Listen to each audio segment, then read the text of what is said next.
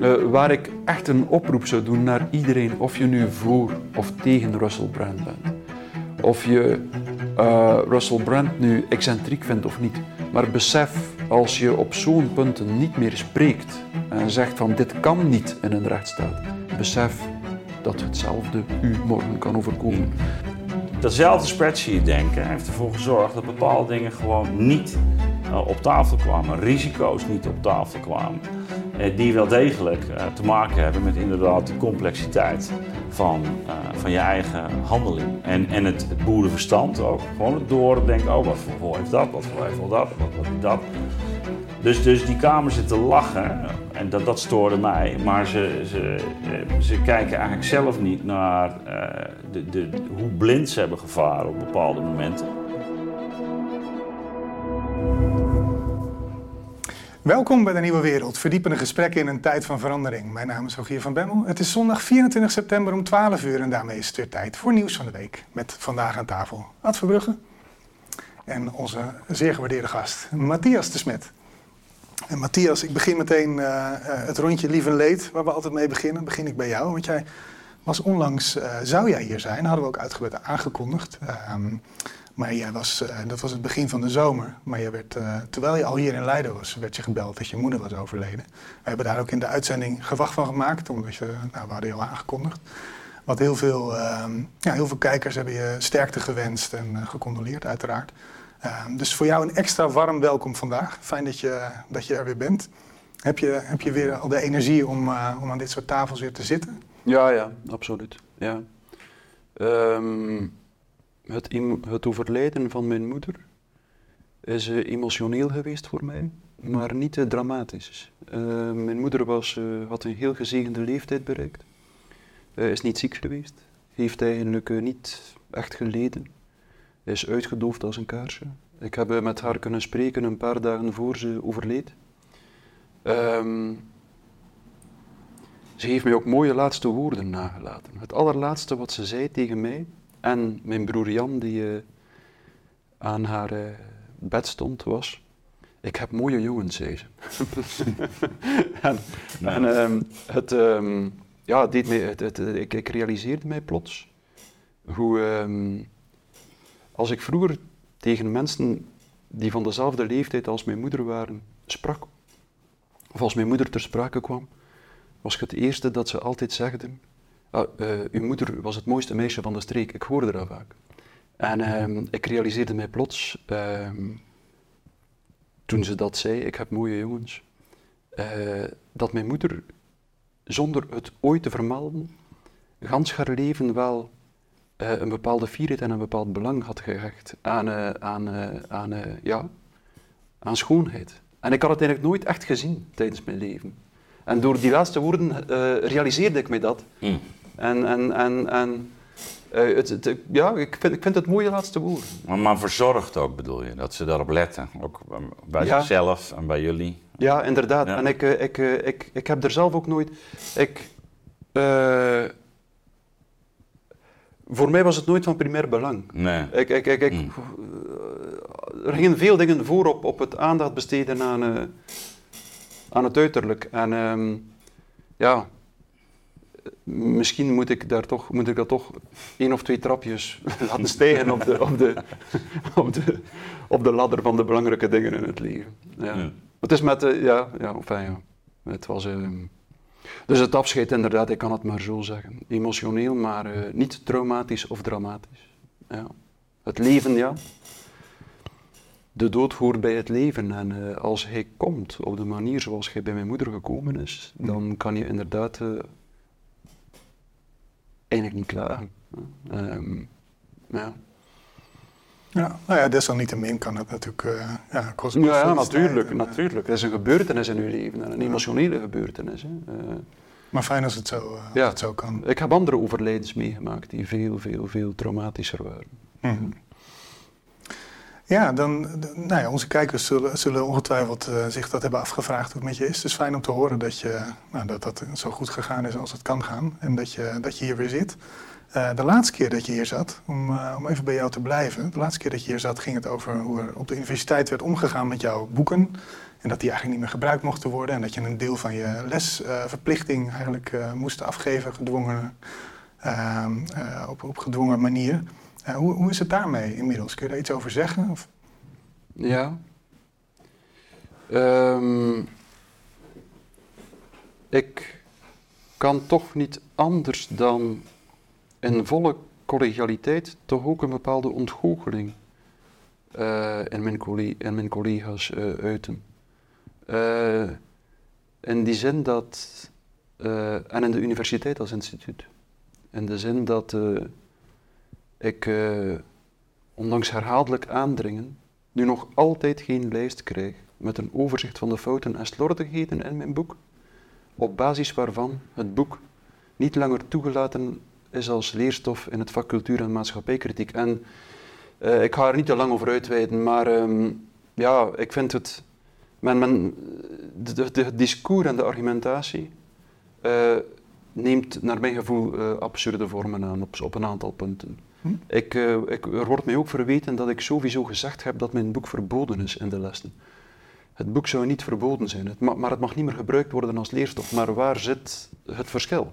Uh, de kranten hebben onmiddellijk ook gewacht gemaakt van het verbieden van mijn boek.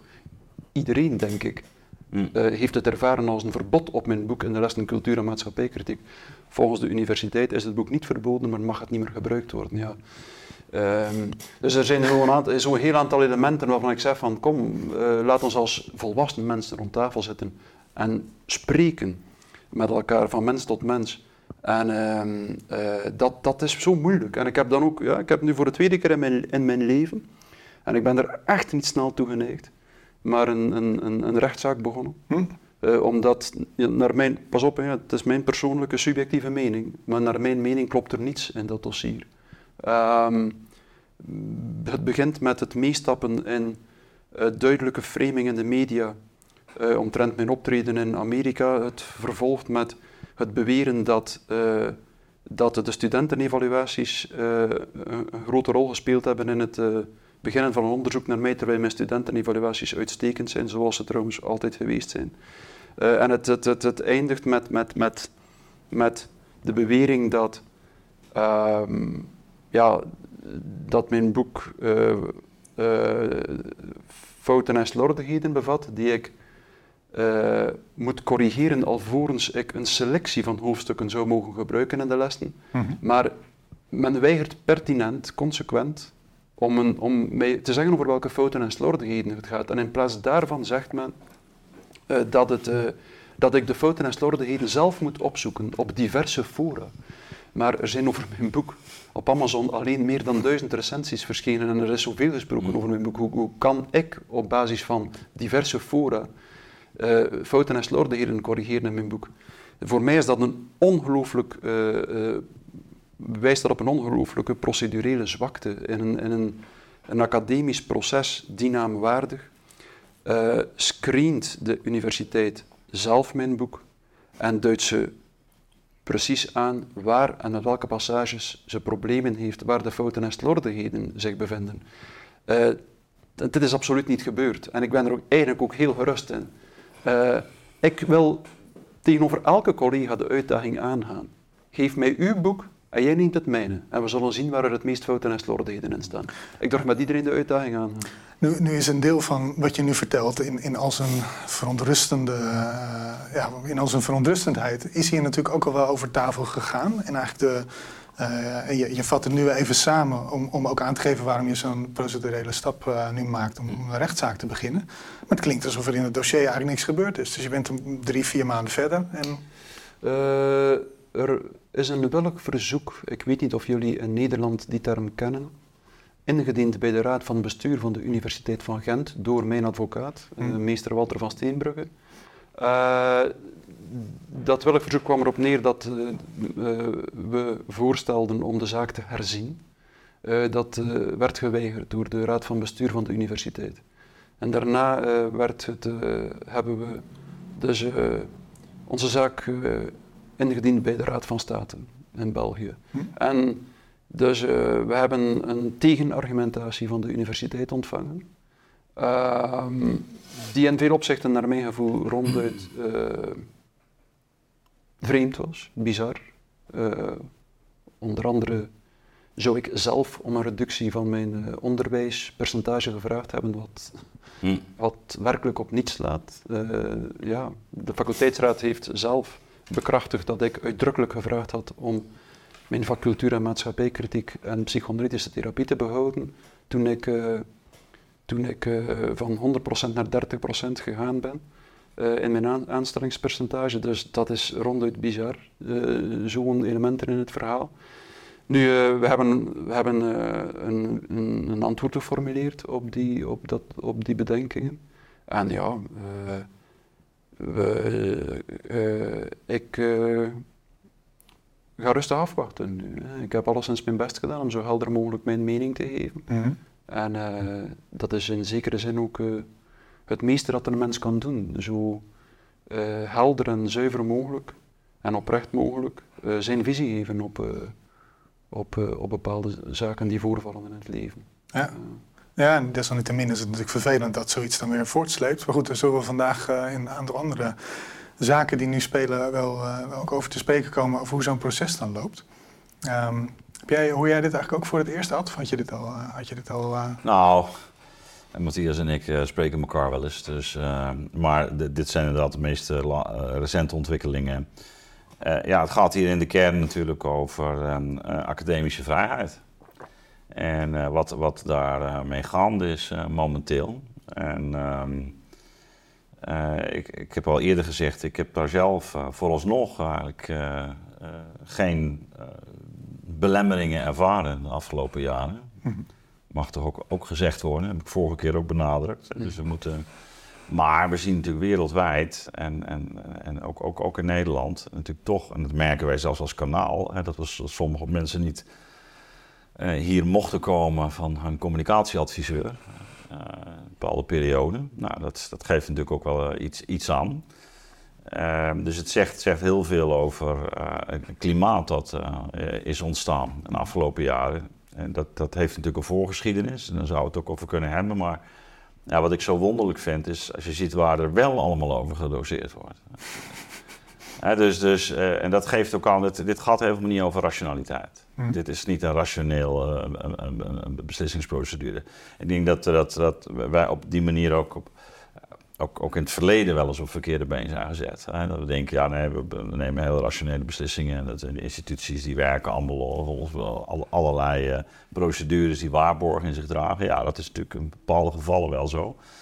Uh, en in, in, in veel gevallen wel zo. Maar je ziet toch ook dat er ten, tendensen zijn. Ja? En, en dat wordt dan een, een soort communis opinio binnen zo'n gemeenschap.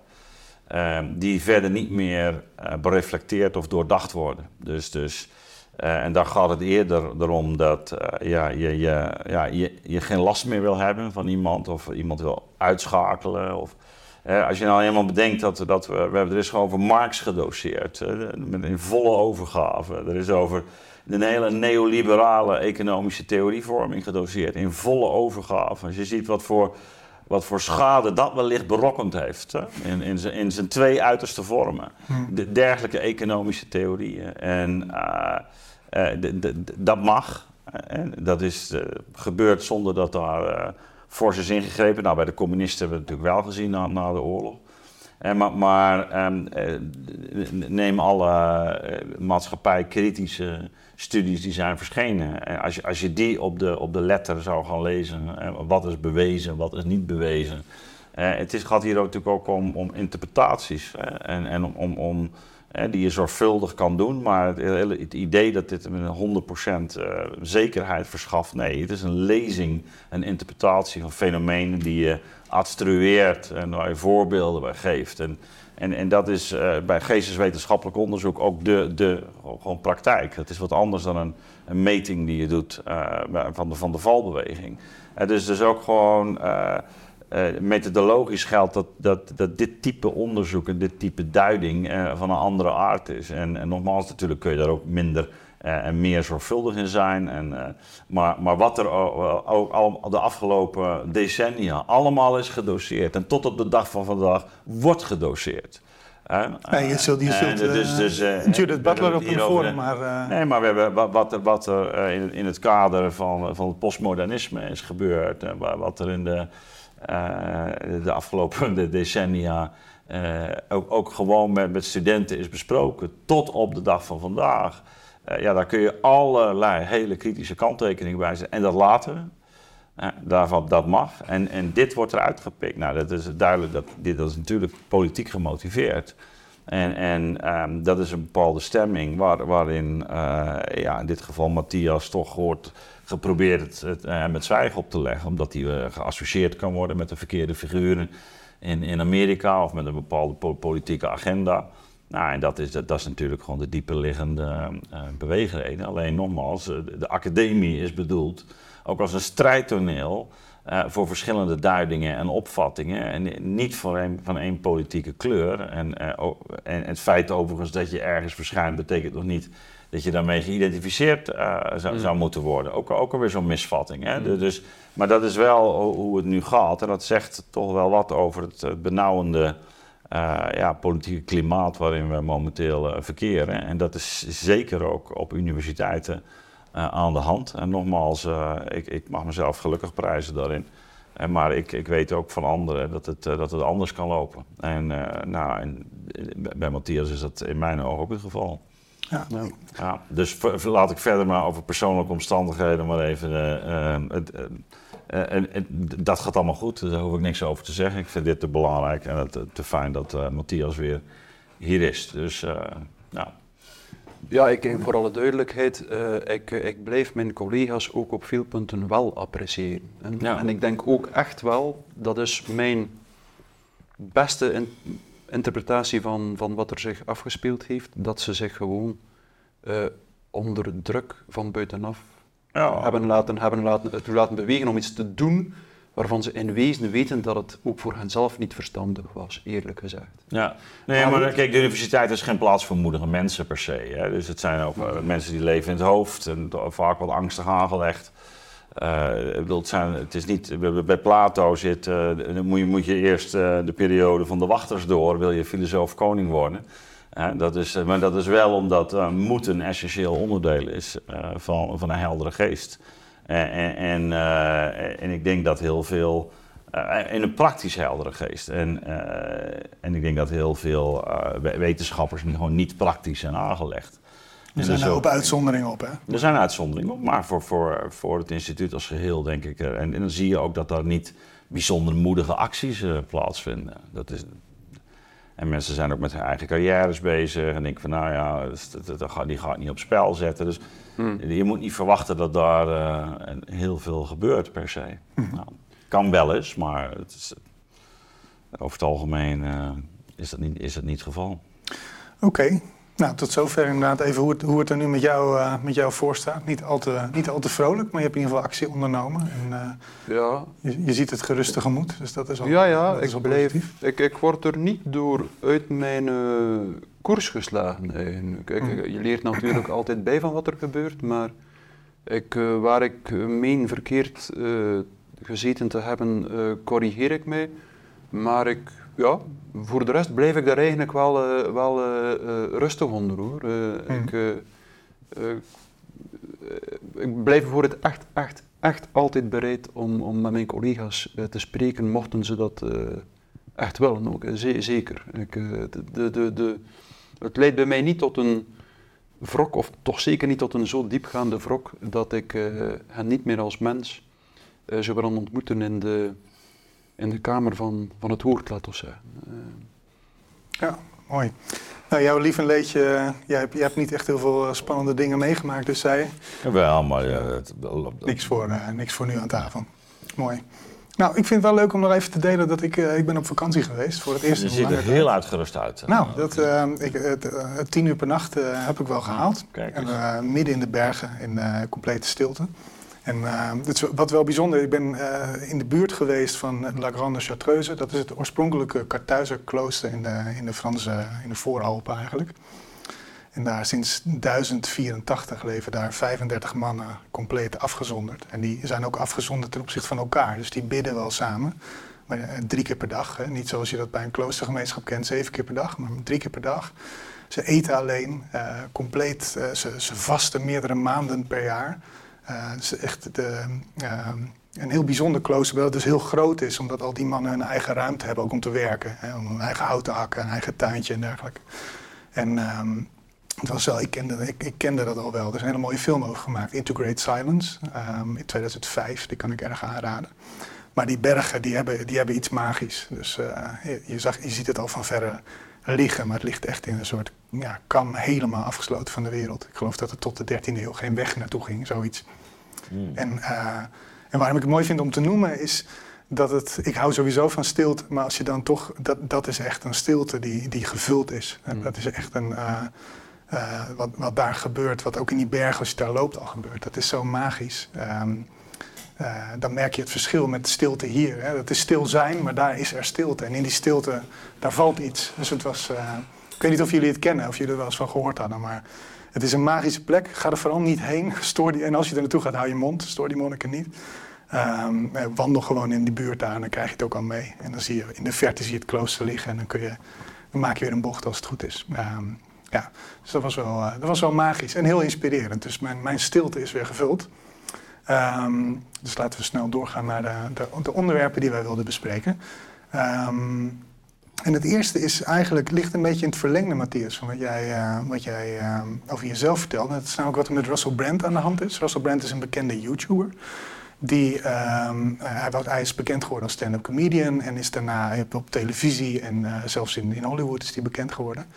Uh, stond bekend als een hele promiscue kerel. Die heel erg ook veel grappen, ruwe grappen over seksualiteit ook maakte. Ook is een stand-up, maar ook een heel ontregelende presentator was. Die is YouTuber geworden. Een beetje ja, in, het, in, de, in de alternatieve hoek. Of zoals ze tegenwoordig zeggen, de alternatieve media. Wat ik een beetje een vervelende term vind zelf. Maar uh, dus, dus ja, ook, ook nou ja de, de, een beetje de, een, een, alternatief ten opzichte van uh, het mainstream verhaal probeert te zijn. En ook veel met spiritualiteit doet overigens, wat, um, um, wat hij op een ander kanaal doet. En hij is deze week in een, in een, uh, in, een samenwerking van drie, uh, de, de, Sunday Times, The Times en Channel 4 was het geloof ik. Is er een documentaire en er is een aantal stukken verschenen waarin hij van seksueel misbruik wordt beticht. Um, het deed mij heel erg denken aan wat er met Kevin Spacey is gebeurd. Dus een aantal aantijgingen. Uh, tot aan verkrachting toe. Hè, dus een heel serieuze aantijgingen. Dat was ook een minderjarig meisje. Uh, een 16-jarig meisje dat opgehaald zou zijn met de, met de auto, ik geloof van de BBC. Dus uh, ernstige aantijgingen. En wat er vervolgens gebeurt is, ja, is dat hij, en dat is misschien het meest concrete, bijvoorbeeld op YouTube. wordt zijn, worden zijn video's zijn gedemonetariseerd. Dus dat betekent dat je geen reclameinkomsten meer ontvangt. Uh, maar uh, zijn management heeft met hem gebroken. Uh, zijn tour is stopgezet. Zijn boekdeal is uh, beëindigd. geloof ik. Maar in ieder geval het meest saillant is toch wel dat YouTube gewoon de monetarisatie uitgezet heeft. Um, en misschien om het nog iets ruimer neer te leggen. daar is vervolgens ook vanuit de Britse regering, in ieder geval vanuit, um, vanuit iemand die in de, de commissie, hoe heet ze, Dame Caroline Dine, Dine, Dinage, hoe heet ze? Die, nou ja, iets in dat genre, ja. Iets, uh, iets, iets in die hoek. Uh, die is voorzitter van de commissie die gaat over media. Die heeft een aantal brieven gestuurd, onder andere naar Rumble. Uh, en in Rumble zegt ze, zijn jullie, om te verkennen wat er aan de hand is in het medialandschap. En tegen Rumble zeggen zij, zijn jullie van plan om net zoals YouTube de monetarisatie uit te zetten voor meneer Brand? Nou ja, dus dit hele bloemetje aan gebeurtenissen en naar aanleiding van die, van die beschuldigingen... Um, ja, en daar wilden jullie het eigenlijk allebei graag over hebben. Um, en misschien uh, even beginnen bij jou, Ad. Ja, uh, er zijn natuurlijk allerlei kanten uh, aan deze zaak. Het is weer een, een, voorbeeld van iets wat we natuurlijk de laatste jaren veel vaker tegenkomen. we hebben ooit een rechtsstaat opgetuigd met elkaar, zodat de de volkswoede die ontstaat uh, wanneer bepaalde uh, misstanden zich voordoen, dat die uh, niet dusdanige vorm aannemen dat daar zelf weer onrecht plaatsvindt. Dus een rechtsstaat is, is eigenlijk ook een, een, een, een meerdere functies, maar als je kijkt ook wat, wat we doen, is dat we de, de, de, de wraak, vanuit het idee van een subjectieve gekrenktheid, en waarbij ik zo, godverdorie, en dat, dat kan natuurlijk ook tussen families uh, plaatsvinden of tussen groepen, dat we die uh, vervangen voor um, straf. en uh, straf, op, daarvoor moet de schuld bewezen zijn. en En dat, dat, dat waarborgt ook natuurlijk de rechten van burgers tegen ja, ook, ook vetus, heisa, stemming, maatschappelijke sfeer, maar ook, ook bepaalde willekeur. Um, je zou kunnen zeggen dat uh, wanneer McLuhan spreekt, uh, en die ik hier vaak noem, maar dat is omdat hij toch visionair is geweest over de Global Village, hè, dat, dat we op een bepaalde manier uh, terug naar het dorp zijn gegaan. In, juist in onze gemedialiseerde wereld. Ook, ook een thema wat ik op een bepaalde manier in, in de gezagscrisis aansnijd. Het is een postburgerlijke cultuur, die op een bepaalde manier ook weer pre-burgerlijke trekken uh, vertoont. En, en uh, dat is iets wat dus vaak collectief uh, oprukt. Dat is niet iets van één individu, maar je zou kunnen zeggen dat het, het, het oude institutionele bewustzijn, van een rechtsstatelijk bewustzijn, ook binnen die instituties in toenemende mate eigenlijk verslapt, maar ook bij, bij de burgers zelf. En dan ga je zien dat, dat zo'n rechtsstaat er een beetje, een, beetje, ja, een beetje bij gaat bungelen eigenlijk. En, en, en ik vind dit een duidelijk voorbeeld uh, daarvan. dus uh, ik, ik weet niet wat, wat Russell Brand allemaal heeft uitgespookt. Kunnen we dadelijk ook nog wel iets over zeggen. Uh, ik weet wel dat hij zelf uh, heel openlijk is geweest over zijn promiscuïteit in het verleden. dat hij ook volop aan de drugs zat. er zijn ook allerlei fragmenten van bekend. Dus dat hij in een toestand van zware beneveling of uh, niet zware beneveling, met een seksverslaving vrouwen heeft lastiggevallen, lijkt me niet uitgesloten. Nou, sterker nog, dat geeft hij ook toe. Ja, dat lijkt, lijkt me ook. Uh, ja, maar hij zegt dit, het is altijd met instemming gebeurd. Hè. Nou, dat, dat, dat is een heel lastig begrip, hè, instemming. Want zeker in, in sferen uh, waarin je ook, uh, nou ja, met alcohol en, en drugs, waarin vrouwen ook terechtkomen. Ja, kunnen er ook bij de, uh, zowel bij de daders als bij de slachtoffers, of vermeende daders en slachtoffers, allerlei andere herinneringen. Daar kan Matthias ook nog het nodige over vertellen. Maar daar wil ik nu even nog niet in gaan. Kunnen we zo misschien nog wel iets over zeggen. Maar, maar het punt is, hij wordt al veroordeeld. En dat is de bekende trial by media. En jij ziet daar iets dorps in. Dus jij zegt dat ja, is dit, is, dit, is, dit is gewoon het uitschakelen van een rechtsstaat. Hm. Dat is wat er gebeurt. Kijk, we hebben die rechtsstaat ook om de verhoudingen tussen burgers onderling te regelen. -hmm. Ja, de, dus uh, dat uh, we hierwijs willen voorkomen dat, dat mensen dus allerlei dingen elkaar aandoen. Uh, op basis van subjectieve opvattingen of particuliere opvattingen. Nee, dat moet, dat, dat moet dus publiekelijk worden gemaakt. En wat je nu ziet, is dat, uh, dan zou het ook over de status moeten hebben van, van uh, dit soort ehm, eh, platforms zoals YouTube. Mm wat je nu ziet is dat eigenlijk een, is ook, hij, hij, wordt verbannen uit het dorp. Hij, hij, hij, mag niet meer het marktplein op. Hij, wordt weggejaagd. Dat is eigenlijk dat, is, dat is wat er nu gebeurt. En dat betekent dus dat, uh, je zou kunnen zeggen, een grondrecht, hè, dat non-discriminatiebeginsel uh, zelf. Waarom? Ja, omdat er mensen iets over hem zeggen. Maar wacht even, dat moet dan toch eerst nog bewezen worden. Dat is het idee van een rechtsstaat. Ja, maar de YouTube sluit allemaal uit van de gemeenschap, de community guidelines. Ja. Dus onze gemeenschap, daar ja. we zo'n vent die beschuldigd wordt van... Niet ja, maar, dat, maar dat, is dus, dat is dus een hele scheve ontwikkeling. Mm -hmm. die, waar vermoedelijk ook weer natuurlijk politieke motieven een rol spelen. Verschillende sentimenten samenkomen. Maar het hele punt is, die rechtsstaat, die is, die is er nu juist op gericht... Eh, om te voorkomen dat dit soort uh, excessen plaatsvinden. En daarmee zeg ik niet dat hij onschuldig is. Hm. Dat is een heel andere kwestie. Maar dat uh, je niet dus uh, al, ook als partij moet gaan acteren alsof iemand als schuldig is bevonden. Nou, om dat, om dat nog wat misschien te verduidelijken. De, de reden dat wij het erover hebben, ik hoop dat dat in mijn introotje ook duidelijk was, maar dat is niet om, om het over te hebben, god, die man heeft iets gedaan. Nee, we hebben het over het fenomeen mhm. dat hij wordt beschuldigd en wat daar vervolgens mee gebeurt. Precies, en vandaar dat, ook dus dat jij er zo op reageert. Nou ja, dus ik zeg, dit is een rechtsstatelijke transformatie die we meemaken, waarin eigenlijk uh, instituties dus ook niet meer dat beginsel zelf hanteren. Me En, dat, kan, dat kan ook het imago zijn van de universiteit. Hè? Van die, oh ja, nou, dat is wel heel ongunstig. Nou, dan gaan we, hup.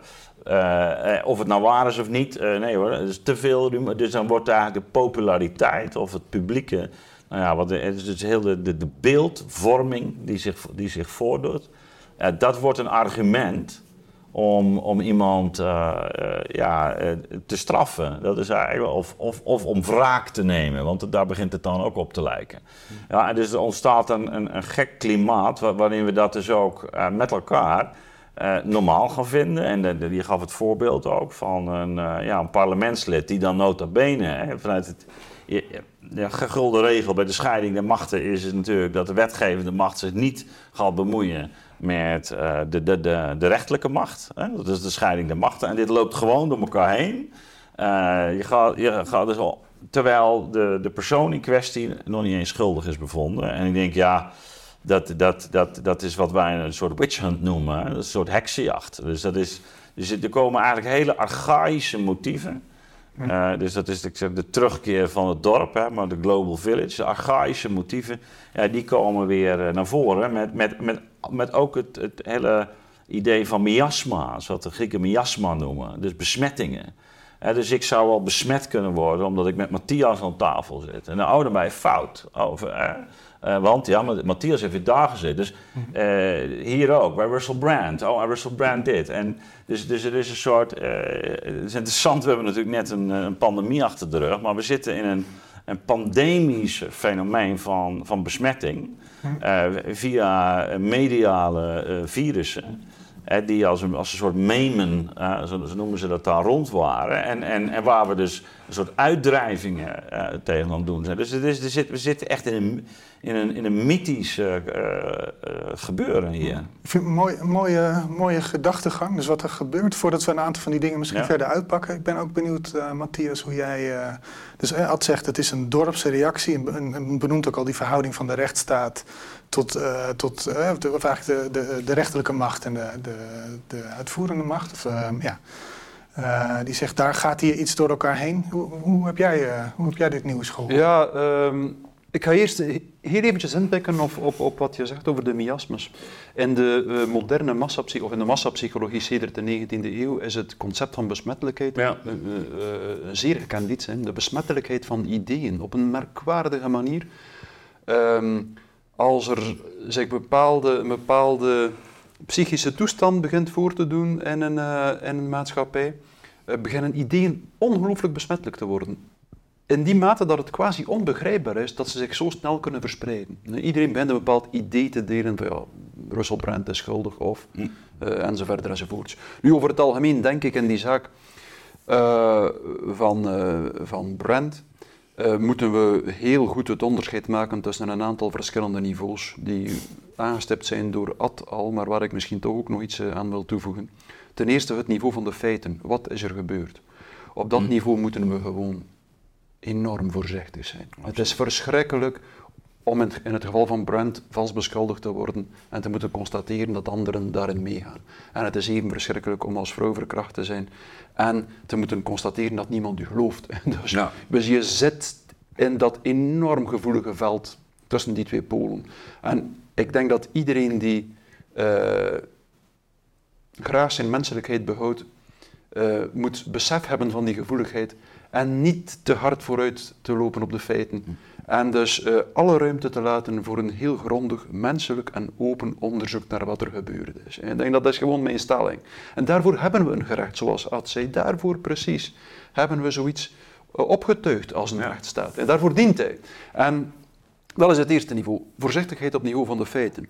Maar ten tweede, eh, ja, je hebt dan een ander niveau is het feit dat YouTube eigenlijk het inkomen eh, afneemt eh, van Russell Brand en zijn gezin, eh, zonder dat er een gerechtelijk proces is gevoerd. En dat is natuurlijk een heel gevaarlijk precedent. Dat betekent dat om het even wie er via de media zich van een inkomen verzekert, daarvan kan beroofd worden alleen al als er een beschuldiging tegen hem is geuit. Ja, dat is, je voelt dat het delicaat is. En dan het, het, het, het derde niveau dat we moeten onderscheiden, is dat de overheid niet alleen eh, verzuimt om YouTube terug te fluiten in die premature act, maar zelf een duw aan de kar heeft. We mogen daar ook niet vooral gemenen. Het is één iemand uit het overheidsapparaat, één vertegenwoordiger van de overheid.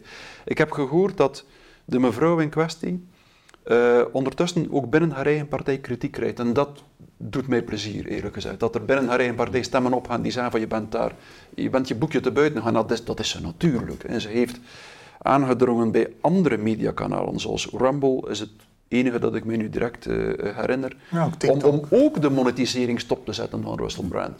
Dus daar zit je met een derde niveau, eh, waar ik echt een oproep zou doen naar iedereen, of je nu voor of tegen Russell Brand bent. Of je eh, Russell Brand nu excentriek vindt of niet. Maar besef, als je op zo'n punten niet meer spreekt en zegt van dit kan niet in een rechtsstaat, besef dat hetzelfde u morgen kan overkomen. Mm.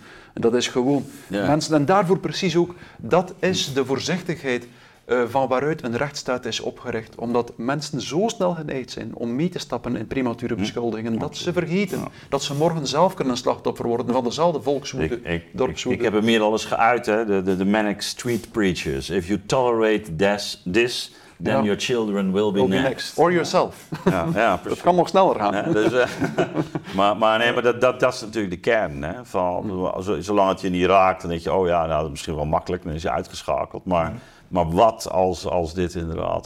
Maar nogmaals, het gaat ook om het recht van die, van die enkelingen. eh, Dus nee, dus ik deel ook eh, Matthias' opmerkingen, aanvullingen helemaal. helemaal hè. dus, eh, Wat vonden jullie van zijn reactie? Mag ik nog hier iets aan toevoegen? Eh, Ik vind echt, hè, dus, ik heb veel collega's die, die, die doorgaans meegaan in het dominante verhaal en die, waarvan ik toch weet dat ze redelijke mensen zijn.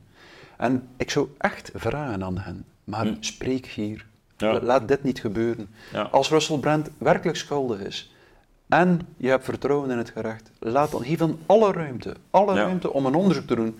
Als hij niet schuldig is, eh, dan, ga je, dan moet je ook blij zijn voor Russell Brand, dat hij vrijgesproken wordt. En ehm, ik, ik hoop echt dat, dat, dat mensen, dat er een soort genoeg, groot genoeg collectief is dat zegt van kijk, voorbij deze grens gaan we niet gaan. ja. Je neemt niet iemand zijn inkomen af op basis van eh, een paar in de media geuite beschuldigingen. Nee, ik- ik- je zou het zelf in juridische termen kunnen vatten. Hè? Dus, dus wat hier gebeurt. Hè? Dus, dus ook, ook in de richting van YouTube zelf. Wat, hè? Dus wat betekent dit überhaupt juridisch? Hè? Dus vanuit het idee van rechtsgelijkheid. Ik, ik heb nog Ja, wel een dus- vraag dus- naar aanleiding van die. Van die eh, toen dit gebeurde met Kevin Spacey, en die is inmiddels vrijgesproken. Ja. on all Ja. counts. Hè, die wordt misschien hier en daar nog civ- eh, vi- via Ja. het civiele koord eh, wordt hij nog eh, vervolgd, maar dat, dat, dat is nog onduidelijk of die mensen er Mhm. überhaupt mee doorgaan. Want dat kost natuurlijk ook heel veel geld om zo'n Mhm. proces eh, te starten. En hij is inmiddels dus, nee, juridisch, hoe, hoe noem je dat? Ja. Eh, ehm, ja, niet, niet civiel, maar in ieder geval hij is voor, voor de rechtbank vrijgesproken. Dus dan Strafrechterlijk. Strafrechter, Ja. dank je. Ja, dat is de term die ik zocht. Ehm, dat zagen we nog heel erg in termen van MeToo. Hè? Dat Kevin Spacey, die is inmiddels vrijgesproken. Oeh, nou, misschien is hij toch vijf, zes jaar voor niks op het, op het strafbankje beland. Tegelijkertijd komt er natuurlijk ook wel iets naar buiten over zo iemand in zo'n periode. Hè? Dus eh, Ja. ja. de, de, de, de bepaald gedrag, hè? dus die promiscuïteit bijvoorbeeld. Ehm, de reactie van Russell Brand op wat er nu... eh, nou, hij, kreeg dat stuk toegestuurd voordat het geplaatst werd. En hij, hij, hij plaatste al een video van twee, drie minuten voordat dat eh, geplaatst werd... dat er een aanval aan zat te komen. En hij trekt het eigenlijk niet in die MeToo-achtige sfeer... Waar hij overigens wel iedereen wist dat hij heel promiscu was. Hij maakte, eh, hij maakte Mm. op eh, in zijn show, zei hij van nou, ik kwam net een vrouw tegen en eh, dit en dat gebeurt. Van nou, net een vrouw, daar zei ik dit tegen. Oh, en ze vond het helemaal niet leuk. Dat soort grappen, daar werd hij ook toe aangemoedigd, overigens, door zijn bazen. Dus over zo'n type hebben we dat. Die werd binnen MeToo niet, niet echt gepakt, zullen we maar zeggen. Of of aangesproken op zijn gedrag, om het positiever te formuleren. Eh, hij zegt zelf, ja, dit heeft te maken met mijn rol in de media. Dus, dit is niet, dus hij trekt het zelf wel uit die MeToo-context. En hij trekt het naar een context toe van eh, ja, een soort stammenstrijd, zou je het bijna kunnen, Mhm. kunnen, kunnen noemen. Nou ja, dat is, dat is natuurlijk die politisering van dat eh, fenomeen. Ik, ook, ook hier geldt, ik kan dat niet helemaal overzien.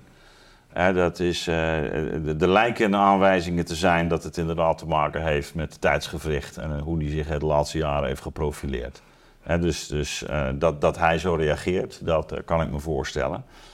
Eh, anderzijds, ja, er vrouwen zouden toch ook al eerder dingen hebben aangekaart, maar die, die zouden niet zijn opgepakt. Nogmaals, ik ken, ik ken die feiten onvoldoende. Je Dit had ik ook nog Dus- niet gehoord. Nee, Maar, ja. nee dus eh, al, al in 2019 eh, zou, zou dat zijn gebeurd. Ja. Maar nogmaals... eh, Dat zou wel in die MeToo-tijd passen. Hè? Ja, dat zou in die MeToo-tijd passen. Maar nogmaals, ik, ik, ken, ik ken de feiten niet. Hm.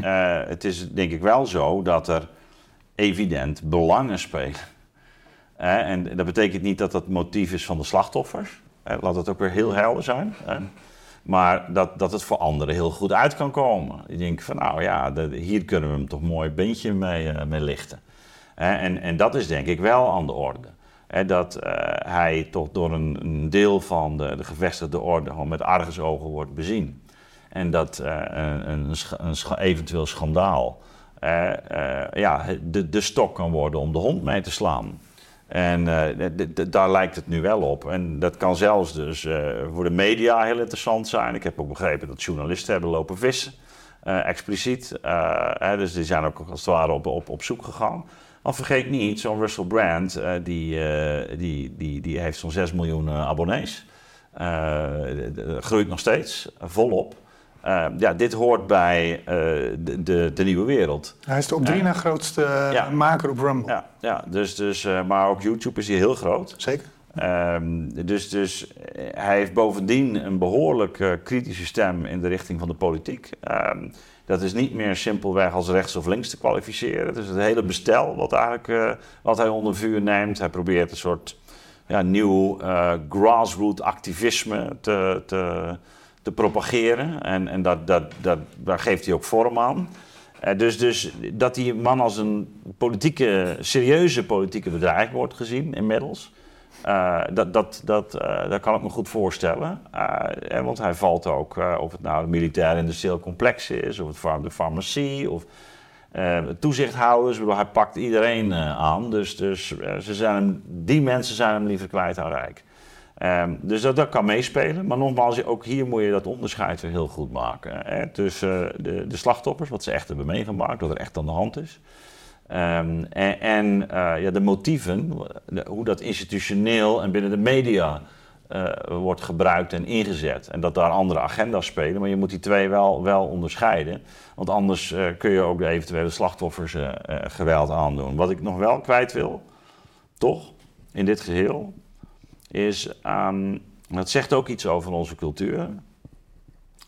Eh, dat we ook, ook wel heel erg gevoelig eh, zijn geworden voor alle misdaden die iemand eh, in het verleden heeft begaan. Of de, de, misstappen. Ze hoeven niet eens misdaden te zijn, maar kunnen ook misstappen zijn.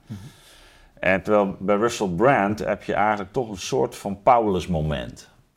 Hè, De, de, de bekende bekering van, van Saulus naar Paulus. En dat maakt natuurlijk niet, niet alles wat iemand vroeger heeft gedaan eh, eh, eh, goed. Maar, maar je kan zeggen, hij, hij, ja, hij is er wel mee. Voor de- hij spreekt ook erover uit dat dat niet goed is geweest. Dat die, die, die manier van leven. Dat, dat, dat hij tot inkeer is gekomen. Ehm, ja, en, en als je dan in, in, die, in dat verleden gaat vissen. en waarvan iemand zelf al heeft gezegd: Nou, ik heb dat dingen gedaan, daar ben ik niet trots op. Eh, ja, dan ga je ongetwijfeld wel zaken tegenkomen. En kunnen we met elkaar, kunnen we het nog, kunnen we nog accepteren dat iemand een pe- periode in zijn leven echt foute dingen heeft gedaan, hè? Die, die niet fraai zijn. Ehm, en, en, en, en dat er dan een moment van inkeer komt. Dat, dat, dat, en nou ja, dat is een. eh, dat, dat, dat, dat was ook wel de associatie die ik hier had. Het is een, het is een soort van nee, je wel, maar. Dan kan je zeggen, ja, maar voor die vrouwen ligt dat anders. Ja, eh, begrijp ik. Dat is, maar de gretigheid waarmee het publiek daar weer opduikt... en, en ja, vind ik ook iets... zelf ook iets pervers hebben. Ik, ik kan je heel goed volgen. Maar wat ik wel mis dan in zo'n bekeringsmoment is eventueel ook een moment van straf. Dus stel het is zo dat hij een aantal vrouwen bijvoorbeeld verkracht zou hebben. Ja, dat in- is verder niet goed te praten natuurlijk, hè, voor de duidelijkheid. Maar ik, dat moet dan weer bewezen worden. Hè? Nee, zeker. Ja. Hè, maar jij, jij schetst nu het scenario hè, van kunnen Ja. we daar nog mee omgaan? Nou, een van de manieren om daarmee omgaan. hè, Dat is boete doen niet. Ja, exact. Ja. Hmm. ja. Ik, ik- Maar dat zie jij, toch, dat zie jij ook zo. Nou, nee, maar dus ik, ik denk ook wel, bedoel, daar ligt dan ook de vraag. Ik kan dat niet inschatten. Ik weet niet hoe hij daarmee om is gegaan. Eh, ik, ik zie wel dat hij tot een schuldbekentenis komt. Eh, dat, dat is eh, in de zin van eh, zonde, om het zo maar te noemen. Ja, dat is een niet, niet vorige per se juridische, ja, Ja. niet per se een juridische schuldbekentenis. Maar, Hm. maar, maar goed, die kan ook zeggen, ja, dan moet je dan nog. Oké, dat, dat, dat zou kunnen. Ik vind al heel wat dat iemand gewoon dit zo benoemt en zegt: Oké, maar dit is. Dit, dit, dit was gewoon. Ik was gewoon echt fout bezig. Dat vond ik een mooi punt ook. Ik, wilde, ik, Ja. ik miste alleen dat aspect. misschien. Hij zat in een zeer delicaat krachtenveld. Hè. Dus hij, hij had zelf zijn imago eh, van eh, promiscuïteit en eh, seksverslaving enthousiast gecultiveerd, laten we zeggen. en, en, eh, en, eh, En, en, mensen vonden het ook en- nog mooi voor een deel. Het werd Ja, en, Ja, en terzelfde tijd eh, had hij zich inderdaad natuurlijk eh, de frustratie en woede eh, van zeer veel mensen op de, op de hals gehaald. Mhm. Door eh, zich zo eh, expliciet uit te spreken tegen alle soorten zaken waar mensen zich sterk mee identificeren, zoals het coronaverhaal eh, eh, enzovoort enzovoort.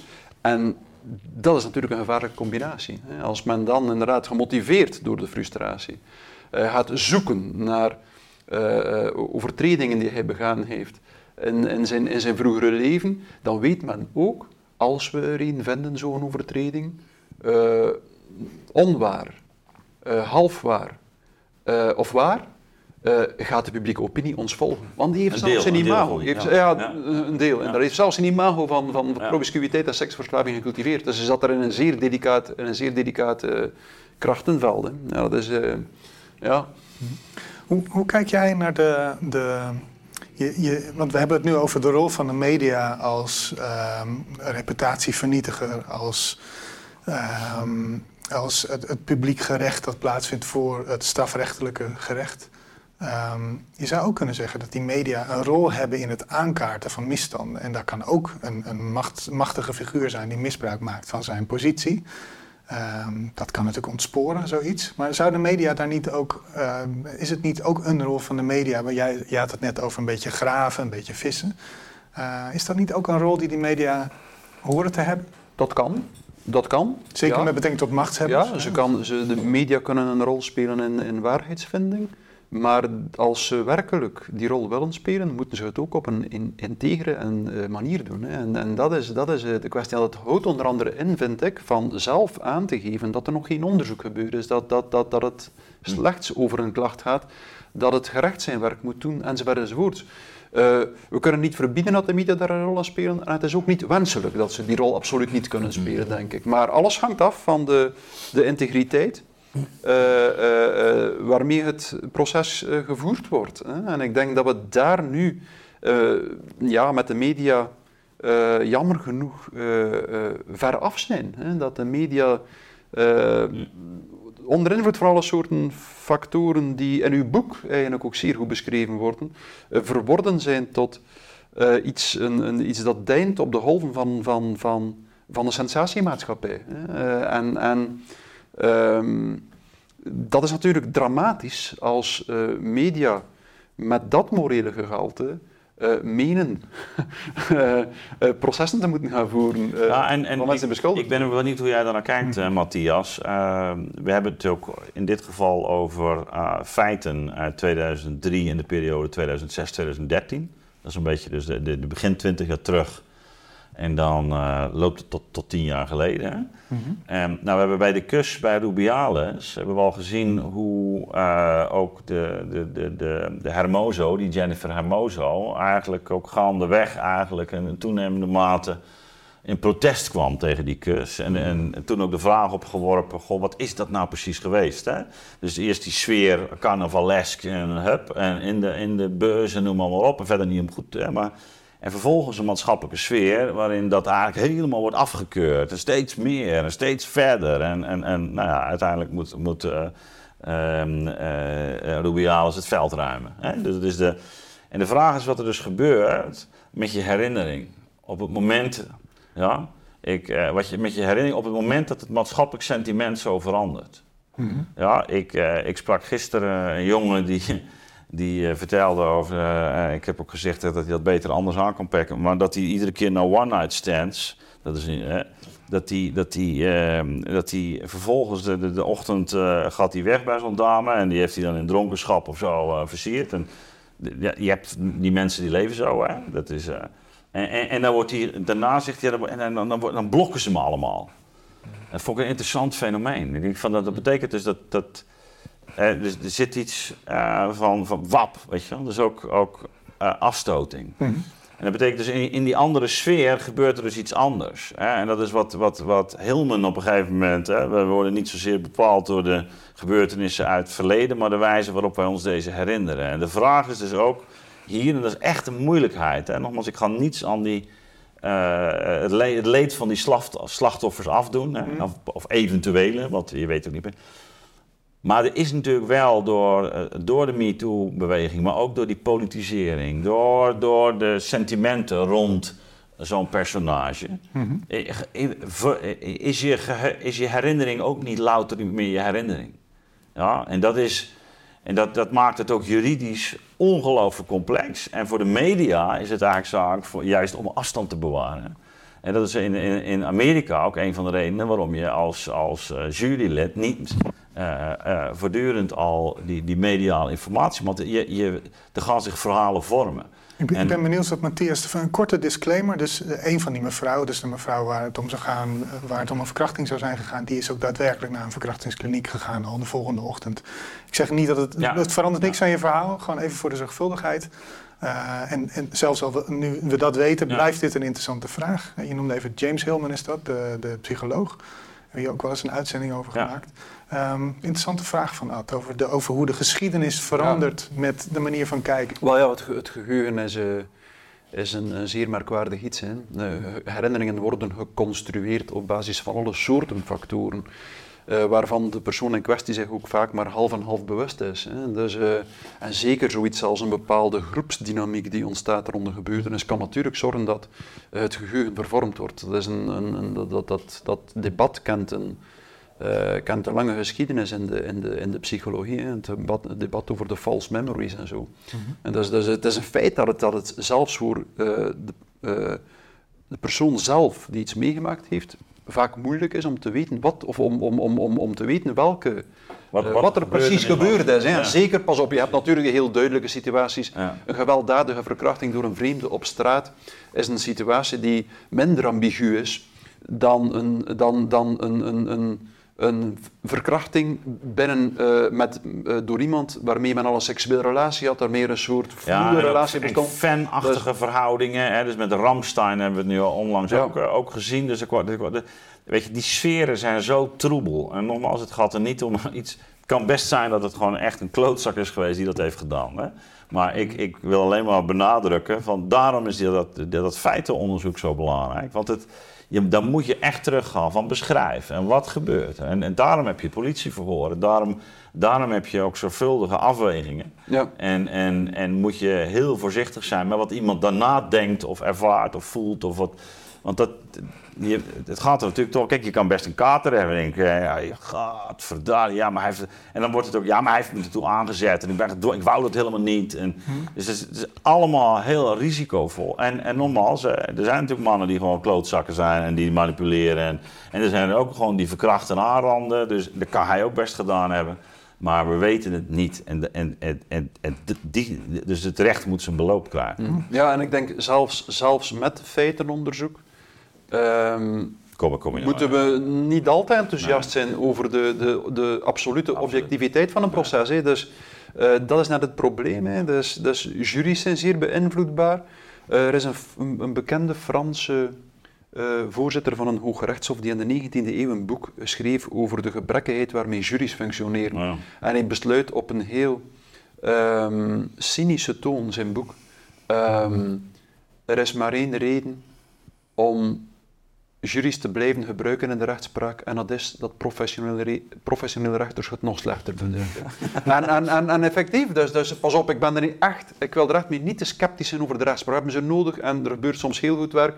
Ja, maar maar we, moeten, we, moeten, we moeten ons realiseren dat we met een, een van de grote onmogelijke beroepen te maken hebben, die enorm delicaat zijn. Mhm. En sedert ik soms eens, ik heb in mijn eh, privépraktijk als psycholoog eh, twee rechters in behandeling gehad voor een, eh, voor een lange periode.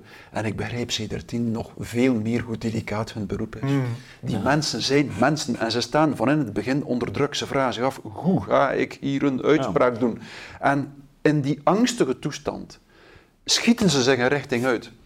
En in hun hoofd corrigeren ze vaak niet meer, zelfs al weten ze ook achteraf, verdorie. eh, is niet zeker dat ik daar de juiste weg gevolgd heb. En dus de rechtspraak is gewoon immens moeilijk. En wie eh, daardoor te veroordelend wordt naar rechters toe, realiseert zich niet hoe moeilijk het beroep is, denk ik. Het is een immens moeilijk beroep. En maar precies al, hoe meer we de gevoeligheid van het beroep eh, en van de rechtspraak beseffen, hoe meer we weten dat we nog veel meer reden hebben om heel sereen om te gaan met de situatie waarin iemand van een min of meer serieuze misdaad beschuldigd wordt. En we moeten daar gewoon zeer sereen omgaan. Jullie hebben de, de, allebei al het, het, het belang van de scheiding van, van, eh, ja, van de politiek, of eigenlijk van de, van de regering en, en de rechterlijke macht en de media hebben jullie al benadrukt. Ehm, daar zouden we nog wat verder op door kunnen gaan, maar we kunnen ook naar het volgende onderwerp overgaan. Ja? Zit even, wat denk Misschien komt het wel terug bij het volgende. Nou, dat, dat, Ja. had ik ook, eh, Ja. dat had ik ook half in mijn achterhoofd. Het volgende onderwerp is eigenlijk... eh, ja, Matthias, we hebben, jij, jij wist het wel. We hebben jou net eh, nog even samengevat. We hebben hier de derde dinsdag van september hebben we hier, de, hebben we hier Prinsjesdag. Dan wordt de miljoenennota, de, de rijksbegroting, wordt gepresenteerd. Eh, dat had je natuurlijk al, al lang al eens gehoord. Maar eh, voor onze Belgische kijkers eh, in extenso ook meteen genoemd. Eh, dus er is een nieuwe miljoenenbegroting van een demissionaire regering gepresenteerd. En vervolgens hebben we dan een paar dagen lang de algemene politieke beschouwingen. Die in dit geval, gezien de aankomende verkiezingen op 22 november, al een soort, ja, een soort verkiezingsbijeenkomst is geweest. Ehm, en daar gebeurde toch wel een aantal, aantal interessante, interessante dingen. Jij, had, jij wilde sowieso met een observatie het, Ja. het bal openen had. Ja. Nou ja, we hebben hier eerder al eh, natuurlijk eh, tijdens de, de val van, ehm, van het kab- kabinet en, eh, en ook, ook de, de val van, van Rutte Ja. al iets over die voorgeschiedenis besproken met elkaar. En ook dat later is ook wel bekend geworden dat, daar hebben we het trouwens ook wel over, over gehad eh, tijdens onze nieuws van de week, meen ik mij te herinneren. dat Rutte ja, toch in, in dat weekend op de hoogte is gesteld van het feit dat er een, eh, een mogelijke motie van wantrouwen tegen hem persoonlijk zou worden ingediend. Nou ja, dat is de, de, de bredere context van het verhaal. Dus dat eh, vermoedelijk Jesse Klaver hem daarvan zo op de hoogte hebben gesteld, maar dat, eh, dat de strategie was van D66. Hè? Dat is, eh, nou, die, die geschiedenis werd deze week eh, nog even eh, teruggehaald door, eh, door Geert Wilders, want hij zou benaderd zijn door Paternotte. Nou ja, ehm, En voor de, D66 voor de dus D66er, Jan Paternon, een zeer prominente D66er, Ja, die, die zou Geert Wilders benaderd hebben. hebben. Kun jij niet even de motie van Ja, wantrouwen tegen de premier Wij- Want wij gaan hem steunen. Dus dat, nu, dan gaat hij echt... Hè, je hebt er al zoveel ingediend. Kan deze ook... maar- nu, dan gaan we hem nu pakken. de woorden van eh, onze partijleider, die ik deel en waar ik ook achter sta, is dat er ook een moment komt hier in Politiek Den Haag dat we vooruit moeten kijken, dat er een nieuw hoofdstuk begint. Daar heb ik een aantal dingen over gezegd. Het Haagse gedoetje ging niet over die uitspraken. Echt, trek mijn woorden daar niet in. Het Haagse gedoetje ging over dat we twee uur na de val van het kabinet, twee uur nadat we hebben moeten constateren dat een groot probleem in Nederland door dit kabinet niet opgelost kon worden, dat u begon tegen mij over wie met wie. En als het nou gaat over samenwerking met de PVV. Ik heb de heer Wilders in eerste termijn iets horen zeggen over samenwerken met de PVV en een telefoontje van u over een motie van wantrouwen. Ja, toen heeft, toen, toen Hetgeen hij ontkent, overigens, maar ja, Geert Wilders... Ja, niet, niet, niet heel duidelijk ontkend. Ze hebben wel gebeld. Er is gebeld. Ja, dat is er, er is gebeld. Maar ja. Wat er gezegd is. Ja, dus, even, ehm, even voor de context. maar het, dit is, was natuurlijk wel het opzetje. Ja. En, ehm, nou ja, en, en, en, en wat we dus zien is eh, hoe, hoe die algemene beschouwingen dan toch eh, in, het, in het teken komen te staan van persoonlijke vetes. Ehm, dit heeft best wel, vind ik, de, een eerste, ja, ook, ook de, de, de, verhouding tussen de VVD en D66 behoorlijk uh, vertroebeld. Dus dat zegt ook iets over de toekomst. En Hermans heeft daar ook behoorlijk van zich afgebeten. En ook in de richting van Paternotte. Dat was de voorzitter van, uh, van VVD, ja. Dus, dus dat, dat was een, uh, het, het eerste wat mij toch wel opviel. En ik vind het is heel heftig eigenlijk wat hier, uh, wat hier gebeurt. Omdat het, ja, het, le het, het legt echt, laten we zeggen, de, toch wel de, de, de, de, de smerigheid ook van het politieke bedrijf. Ook, ook, ook open en bloot voor het publiek neer. En ze hebben een aantal parlementsleden hebben natuurlijk nu de politiek verlaten. En sommigen ook verwijzend ook naar die cultuur. Mm. Denk aan uh, Renske Leijten bijvoorbeeld, dat het zat is.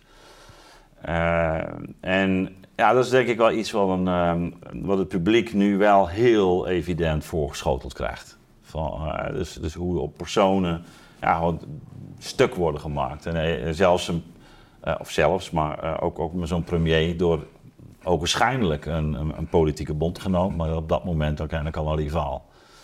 Ja, dat is dat het laat de, de, de smerigheid zien.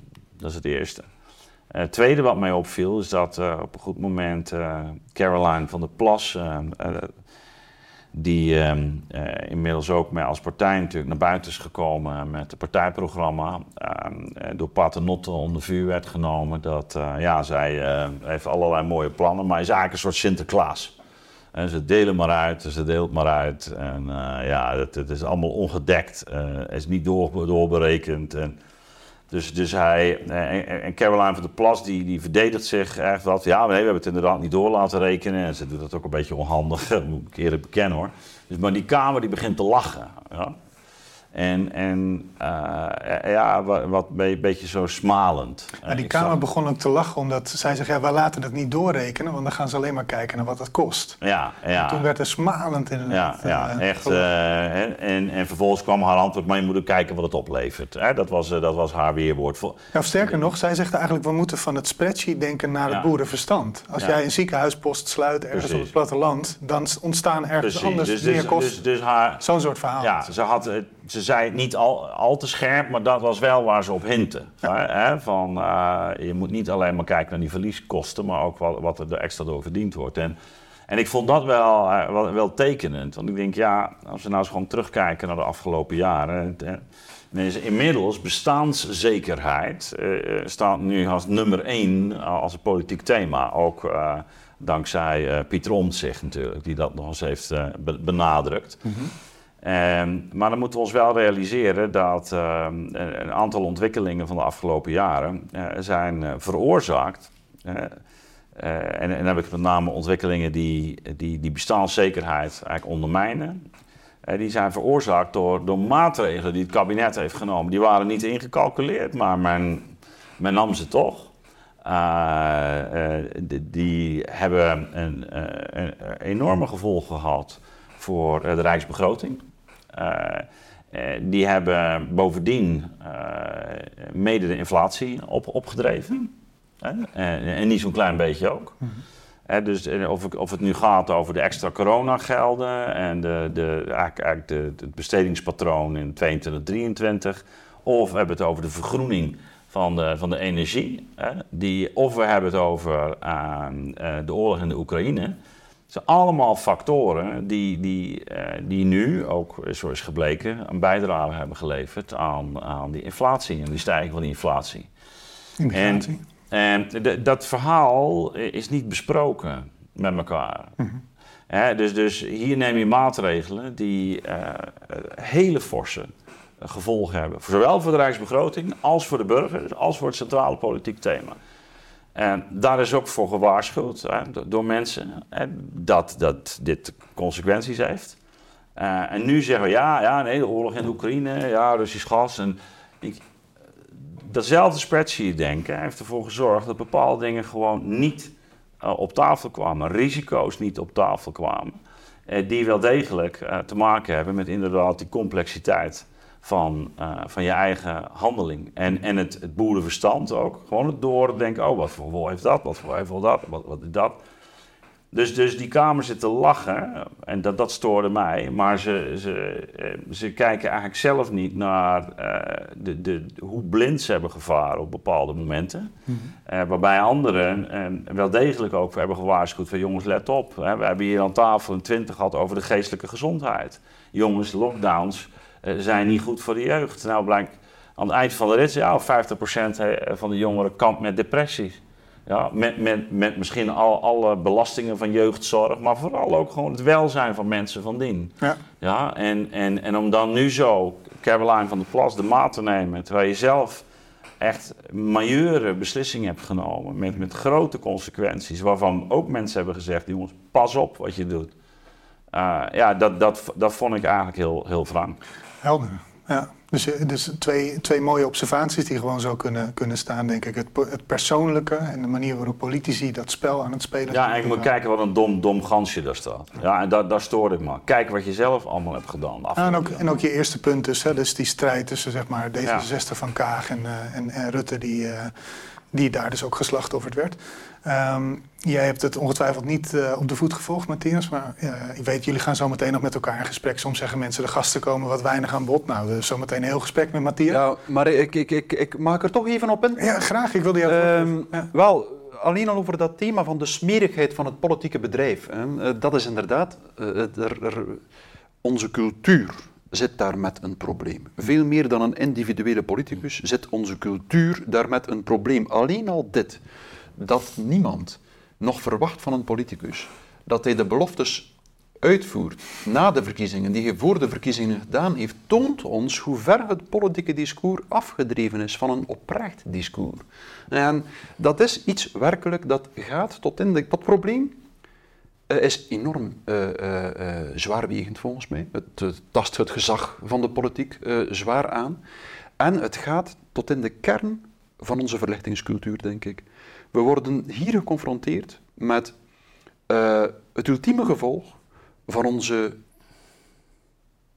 rationalistische ingesteldheid. En dat, ik hou me hiermee geen pleidooi tegen rationaliteit, voor alle duidelijkheid. Maar als men het leven echt probeert te leven vanuit rationaliteit, dan wring je, vreemd genoeg, de waarheid en de oprechtheid de nek om.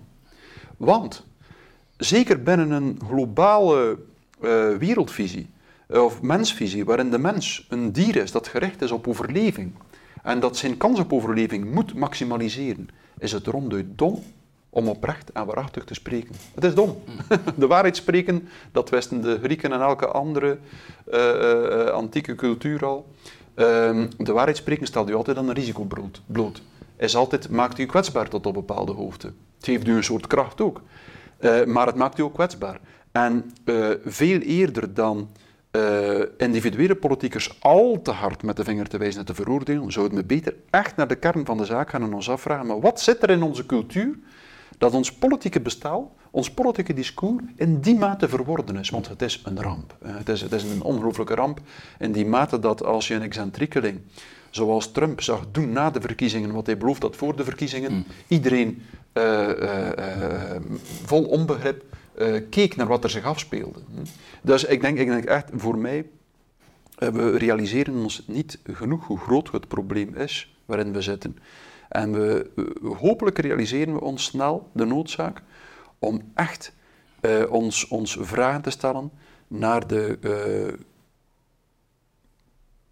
culturele oorsprong van het probleem waarmee we geconfronteerd worden. En wat zou, wat zou er dan, want je maakt, je zegt rationalisme, hè, dus dat is een isme, dus dat is dat alles om rationaliteit ja. moet gaan. Ja. Versus, hè, dus je zegt ik ben niet tegen rationaliteit. Nou, rationaliteit niet, hoeft niet altijd in rationalisme hè, te ontaarden. En je zegt we komen nu in zo'n rationalistisch, uh, rationalistische cultuur zijn we beland. Wat zou het antidotum zijn tegen te veel rationaliteit? Kijk, als je de rationaliteit getrouw volgt, en dat moeten we doen volgens mij. We moeten het pad van de rationaliteit zo ver mogelijk wandelen, de, rationaliteit tot haar absolute limiet doorvoeren. En als je dat getrouw doet en je blijft de reden volgen, kom je automatisch op een, aan de grens van de reden. Dat is eigenlijk logisch. Je kan je dat heel praktisch voorstellen. En dat gebeurt ook. Alle grote wetenschappers zijn ook op dat punt gekomen en hebben allemaal beslist. Er is iets dat de reden transcendeert. Ik kan de, uh, de, de voorbeelden, ik kan direct vier of vijf uh, uh, voorbeelden geven eh, van coach, letterlijke coach van wetenschappers, die allemaal zeggen van uiteindelijk uh, zal je, als je de rationaliteit volgt, nooit de kern van het object vatten uh, dat je probeert te begrijpen. Mhm. Je zal in tegendeel, je zal op een punt komen waar je voelt dat de rationaliteit op haar limiet stuit en waar je moet overgaan op een andere vorm van kennen. Einstein duidde die bijvoorbeeld aan in een voorwoord bij een boek van Max Planck als de Einfühlung, het zich invoelen in het fenomeen dat je onderzoekt. En dus de, als, als verlichtingscultuur, die periode van de verlichting, en die extreme drang naar, naar, rationele analyse was noodzakelijk en heeft zijn functie en zijn nut gehad. Maar ze kan geen doel op zich zijn. Ze is, is onmogelijk een doel op zich. En het is dat wat we ons moeten gaan realiseren. Rationaliteit, rationele kennis wisselt altijd, is altijd onstabiel. En in dat opzicht um, um, kan ze nooit een, een, een stabiele grond zijn. Maar het is nog erger. Het is niet alleen zo dat we stuiten op het fenomeen dat rationele kennis onstabiel is. Het is zo dat de meeste mensen die naar rationaliteit streven, ergens onderweg afslaan. Ze stoppen met naar rationaliteit te streven. Ze plukken de vruchten van de rationele kennis die ze vergaderd hebben. Uh, uh, de vruchten in termen van macht, invloed, aanzien, prestige. Mhm. En ze gaan rechtstreeks op het kompas gaan varen van die macht, invloed, prestige enzovoort. En ze vergeten de rationaliteit. En zo eindigen ze uiteindelijk in compleet het tegenovergestelde van rationaliteit. Dus we zitten met een aantal echte problemen die uh, ons echt moeten aanzetten tot een fundamenteel stilstaan bij uh, de basis waarop een samenleving tussen mensen echt menselijk uh, kan geleefd worden. Uh, en Ad, ik vind dat je een heel prachtige bijdrage hebt geleverd met je boeken, De Gezagscrisis. Ik, uh, ja, ik heb het enorm graag gelezen, maar we gaan het daar later nog over hebben. Maar het, is, het, het, gaat, het raakt rechtstreeks aan die thematiek, denk ik, in wat andere bewoordingen ja. dan ik nu gebruik. Ja. Maar het raakt rechtstreeks aan die problematiek. Ja. Dankjewel ja. trouwens. Ja. Ja, je zit met twee filosofen aan tafel, dus we, wij, wij gaan graag door Psycholoog. op dit... Ja. Sorry? Een psycholoog en een anders, anders krijgt hij nog problemen dadelijk. Ja. Als ik de titel van filosoof klinkt, dan zeg ik... Ja, Nee, maar ik zei tegen jou... Ik zei, Hij, uh, weer, weer, weer gelogen, weer gelogen. Jullie, jullie begrijpen me verkeerd. Ik zeg tegen jou, je zit met twee filosofen aan tafel. Dus oh ja, je zit. Ja, ja, we gaan oh, jij bent okay, ja, ja, zeker. Ja. Nee, dus we, we, gaan graag door op, uh, op de randen van de rationaliteit. Maar ik dacht, omdat je het zo concreet inbracht... ook met betrekking tot bijvoorbeeld het politieke spel... rond spreadsheet of boerenverstand... Um, ik dacht, misschien maak je het nog iets concreter hoe we, dan, hoe we dat spreken zouden cultiveren. Ik weet dat jij vaak een, een pleidooi houdt voor het eerlijke spreken. En waarin je dus ook de schaduw en de, de onvolkomenheid van je eigen gedachtegang uh, onder ogen komt. In ieder geval in het spel brengt, als twijfel bijvoorbeeld. Mm. Is, is dat ook de lijn waar je nu aan denkt als je zoiets ja, zegt? Of? Nu, ik denk dat we niet naïef in mogen zijn. Hè. Uh, als het gaat over oprechtheid, eerlijkheid en zeker over het concept waarheid moeten we heel voorzichtig zijn. En er bestaat geen taal, geen enkele taal, om de waarheid over de waarheid te zeggen. Dat is eigenlijk ook mathematisch onmogelijk. Je, je, je zou dan nog eens de waarheid over de waarheid over de waarheid moeten zeggen. Dus je zit met een soort Russell-paradox die onoplosbaar is. Maar uh, um, we moeten, ik, ik denk echt, hè, niemand moet dat persoonlijk op zich nemen. Niemand moet claimen dat hij weet wat het is om de waarheid te spreken. Maar we moeten elkaar wel aansporen, denk ik, om te zoeken. En te zeggen van wat is het? Wat betekent het voor een mens nu om de waarheid te spreken? Want het is daar dat we van vervreemd zijn, denk ik echt. We hebben het gezocht in de richting van rationele kennis, correcte kennis, wetenschappelijke kennis. Maar, um, en dat op zich is belangrijk. Maar ondertussen is, er, is, het, is, is de voeling met de waarheid een groot stuk verloren gegaan in onze cultuur. En we komen nu op een historisch punt. En we moeten ons daar niet over bekreunen, het is zo, we moesten die weg afleggen waarin we met de neus, of de, waarin we er ten volle mee geconfronteerd worden, dat we inderdaad vanuit dat streven naar rationaliteit geen samenleving kunnen funderen. We moeten ons veel meer terug die vraag gaan stellen naar wat waarheid is, wat de deugd is, om een term te... De deugd in ethiek van Aristoteles bijvoorbeeld, uh, kan ons daar uit de antieke oudheid tegemoetkomen als iets dat helpt naast nog een aantal andere zaken. Ik, ga het, ik, ik, ik ben in mijn volgende boek bezig met het mij op psychologisch vlak echt af te vragen. Wat is de psychologie van de waarheid? Wat, hm. wat, wat is het kenmerk van de ervaring van het spreken van waarheid? Want er is een ervaring volgens mij. Er bestaat geen handleiding om de waarheid te spreken. Die bestaat niet. Maar de ervaring van waarheid kennen we allemaal. Regelmatig hebben we in ons leven het gevoel, hier wordt waarheid gesproken. En wat is het kenmerk van die situatie waarin we die ervaring hebben?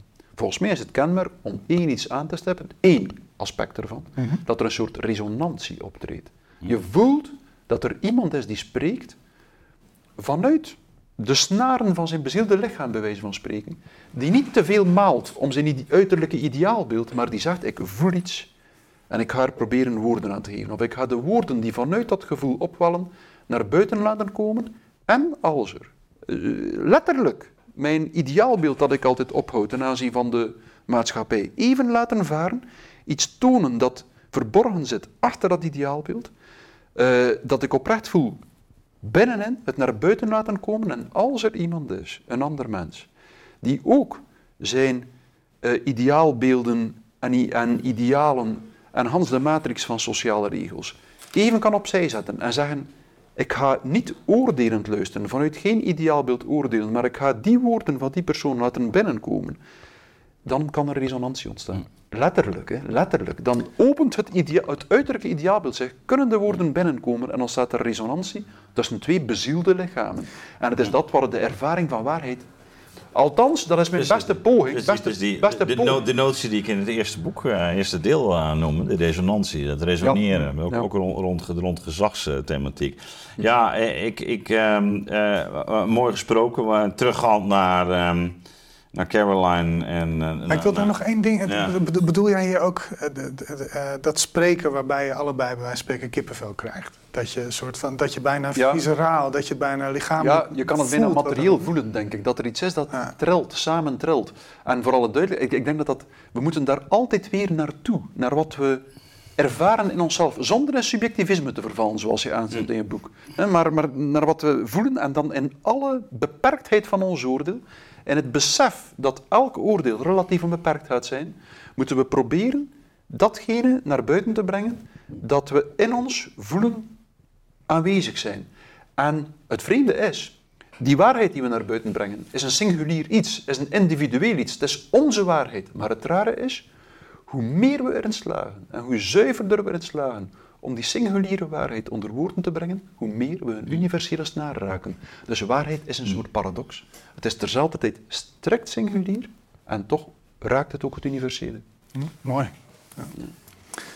Ehm, wil- jij wilde nog even terug naar Nee. Caroline. Ik wilde ook nog even naar Wilders en Baudet toe. Is dat misschien ook leuk? Nou, ik, nee, ik, ik stel voor dat we naar de Oekraïne gaan. Want eh, ook ge- gezien de tijd, ehm, zou, ik zou zonde vinden om daar niks meer over te zeggen. Oké. Gezien de dagelijkse doden. Ja, ja de, er, ehm, er gebeurt iets in de wereld wat, eh, wat iets... eh, Nou, ik heb het hier al veel gezegd. Ik vind het eh, on- ontzettend schokkend eigenlijk. Dat wij, ons, we lijken in onvoldoende mate te realiseren wat ons aandeel is in, in deze verschrikking. Simpelweg door te zeggen, ja, als Po- Poetin moet verslagen worden en Poetin dit en Poetin dat. En, en als, alsof wij daar zelf buiten staan en eigenlijk alleen maar de goede dingen doen. Ja, dat was, Dat is, en en dat, is dus eenzelfde thematiek, hè? dus rond eh, wa- waarheid. En dat raakt ook aan het vorige. Dat we, we hebben in toenemende mate de neiging om in hele simplistische definities en begrippen en schema's te leven. Dan is rechtvaardigheid dit. En Plato eh, benoemt het al op allerlei manieren. Daarvoor is de dialoog bedoeld, omdat het niet zo simpel is. Oh, je zegt eh, dat is rechtvaardigheid. Ha, wacht even. Maar wat dan? Ja, wa- eh, rechtvaardigheid is de waarheid spreken en iemand het verschuldigde teruggeven. Hé, maar wacht, als jouw vriend nou helemaal eh, zijn hoofd verloren is. Ja, en die vraagt, ja, de, de wapens die hij bij jou heeft gestald, vraagt hij terug. Ga jij die dat dan, is, is dat dan het goede doen? Nee, oh nee, dat is dan niet het goede. Wat blijkt dan, om met Hegel te spreken, dat is waar is, dat is ganzen. Je moet naar geheel toe. En wat bij mij opvalt, en dat viel mij ook afgelopen eh, eh, week weer op, dan staat Biden daar voor de Verenigde Naties en het is zo klip en klaar. Komt een verhaal over hoe geweldig Amerika is, hoe ze steeds maar weer allerlei goede dingen in de wereld doen. En ook nu eh, doen ze weer de goede dingen in, in de kwestie van de Oekraïne. En, ehm, eh, en, eh, en, en dat, dat is hem namelijk omdat er sprake is van de schending van de soevereiniteit. Nou, oké. Er is dus een, sprake van de, de, de integriteit van het territorium, dus de territoriale integriteit is geschonden. En, en Rusland heeft kinderen ontvoerd. En daarom is het terecht dat de wereldgemeenschap optreedt. En dat zei Zelensky, hè? nee, dat zei Biden ook. Nee, dat zei Biden, echt. dus, dus en, en, en nogmaals, ik, ik ga ook niet zeggen dat we die uh, principes even, even overboord moeten gooien. Nee, die wegen natuurlijk best wel. Alleen, uh, je kan ook zeggen, goh, maar wat, hoe zat het dan met Amerika in uh, Afghanistan, met die soevereiniteit? Hoe zat het dan met die integriteit van het grondgebied in het geval van Joegoslavië en Servië, het bombarderen van Milosevic? Weet je, het is maar net hoe je, hoe je het gaat, gaat toepassen. Nee, maar dan zijn er andere overwegingen. Oh, oh, er zijn andere overwegingen. Wat zouden er nu de andere overwegingen kunnen zijn? Weet je, en... en en, wat mij dus zo schokt, ik, ik, ik, ik, misschien moeten we die hier een keer behandelen. Ik las een, uh, prachtige voordracht van Kennedy uh, ten tijde van de Koude Oorlog. En waar die mee begint, hè, dat is de toenadering, waar die mee begint, is, is eigenlijk een, ook een zekere, zeker respect uit, uit te spreken voor, voor de regeringsleiders met wie hij te maken heeft dus dus uh, in dit geval Khrushchev. Hm. Iets over die Russische geschiedenis. Iets over wat de, offers die de Russen hebben gebracht in de Tweede Wereldoorlog. 18, 20 miljoen Russen die om het leven zijn gekomen, die voor een belangrijk deel de nazi's hebben verslagen. En nogmaals, ehm, als je, terwijl de Russen ook vreselijke dingen op hun geweten hebben.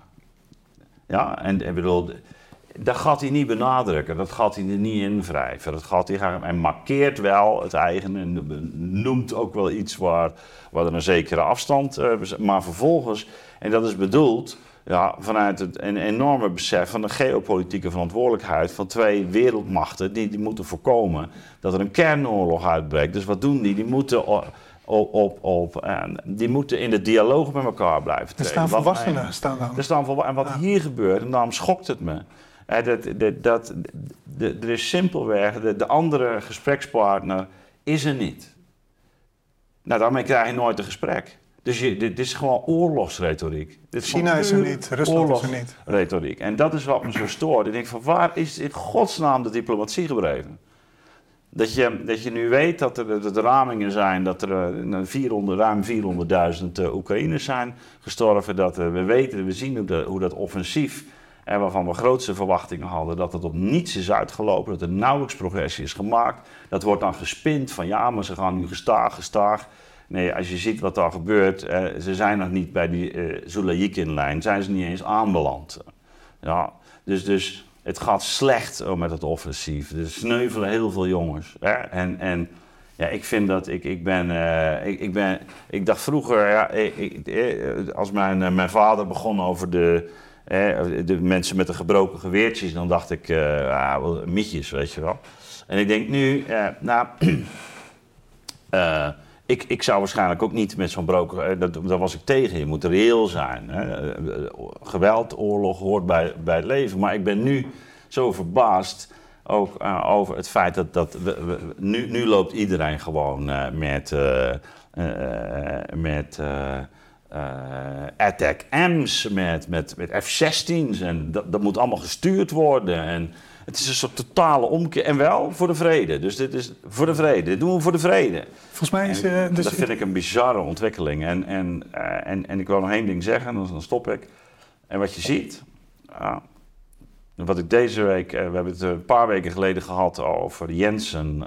die, die, die, die Stian Jensen die onder Stoltenberg werkzaam is. En die liet zich ontvallen nou, dat er misschien toch uh, ook maar eens gekeken moet worden naar een mogelijkheid van onderhandeling. Mm en dat wellicht uh, dus, dus de, de, de, de Oekraïners grondgebied zouden moeten afstaan. Nou, dat zijn dus verschillende stromingen. Maar wat je ziet, die, die, die, die voordrachten van Biden en later Zelensky, er zaten heel weinig mensen in de zaal. Nou, dat is de manier waarop een diplomaat laat weten, we gaan niet meer mee. Die zeggen niet keihard van uh, nee, die, die, komen gewoon niet meer. Hm. Dus wat je ziet uh, is dat, dat die steun afkalft. En dat merk je ook in Amerika. De steun kalft af. Hm. Uh, en het, de Republikeinen staan steeds sceptischer tegenover het hulppakket. we zien nu in Europa hoe de Polen met Duda zegt: ja, je moet je oppassen, want de Oekraïne is als een drenkeling die je mee naar beneden kan trekken. Ja, ehm, de, eh, de, de, de, de, de premier die spreekt over het stopzetten van de wapenleveranties vanwege oneenigheid over de graan. Uh, de Poolse premier. Ja, de Poolse premier. Ja. Ehm, en ja, ik bedoel, ik kan zo nog een hele serie voorbeelden geven, maar je ziet dat het is aan het kenteren. Mm En ondertussen zie je dus dat, dat, dat natuurlijk nog een soort, soort ja, de haviken of de, de neoconservatieven en nog steeds druk aan het drukken zijn. Ja, en, en ik denk, ja, laten we in godsnaam dat gesprek aangaan. Uh, maar ik, dat heb ik ook al eerder gezegd, ik weet niet meer waar we naartoe zouden moeten. Rand Paul zegt, uh, kunnen we beschrijven hoe een overwinning eruit ziet? En dat zou ik ook gewoon onze Nederlanders zeggen. Hoe ziet een overwinning eruit? Ja, waar sturen we al die, die spullen naar voren? maar verliezen we al die levens? Wat, wat, wat, waar wil je naartoe met je oorlog? Dus dat is weer niet verder vragen. Je hebt het over een paar principes. Hmm. Iedereen zegt ja, ja, ja we gaan en ondertussen worden al die jongens afgeslacht. En als je dat afzet tegen de Minsk-akkoorden, en dan was het autonomie, mm. uh, neutraliteit van de Oekraïne.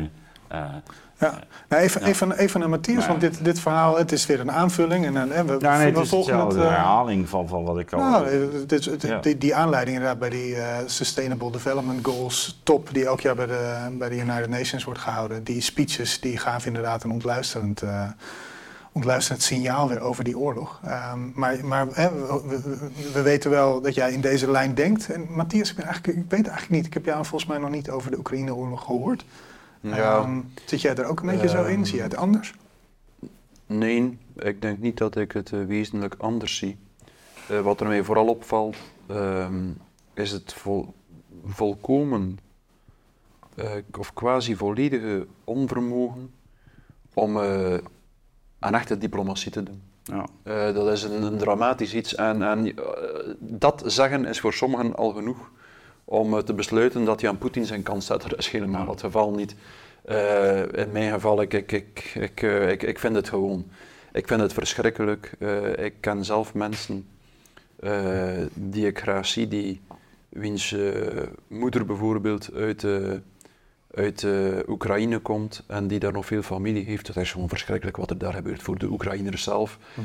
Uh, maar op basis van medeleven met Oekraïne, uh, van Poetin de baarlijke duivel maken, waarmee men toch zeker niet uh, in een normale talige interactie zal treden, dat is werkelijk de oorzaak van het leed versterken. Dus, dus, dus het is duidelijk als je kijkt naar het traject dat Poetin afgelegd heeft, dat er periodes geweest zijn dat hij echt bereid was om met het Westen in, in, gesprek te gaan. Uh, dat hij echt toenadering zocht. En het Westen uh, heeft er zeker, of het Westen, uh, Amerika, Europa, hebben er zeker op hun manier ook de hand in dat die relaties compleet verzuurd zijn en dat het op een oorlog is uitgedraaid. Um, dus het erkennen van het eigen aandeel en de eigen uh, tegen aandeel in Hans het proces dat tot geweld leidt, is de voorwaarde om verdere escalatie van geweld uh, te beperken en te vermijden. Dus um, in dat opzet, ik ga mij niet tot expert uitroepen in de geschiedenis die voorafging aan de oorlog met Oekraïne, maar wat ik nu vaststel is absoluut dat, het, dat er op menselijk psychologisch vlak door het Westen echt in een soort fanatisme vervallen wordt, die niet de oplossing is voor een oorlog, maar de oorzaak van oorlogen op, op, op, op deze wereldbol. Dus, uh, en, en opnieuw, echt, um, er zijn genoeg redelijke mensen uh, nog altijd te vinden, ook hier in het Westen, uh, die volgens mij niet anders kunnen dan, dan, dan, dan, dan constateren dat het Westen niet tot een echte uh, gesprek met Poetin bereid is, dat het Westen wel een aandeel heeft in, in, in, het, in het ontstaan van de situatie.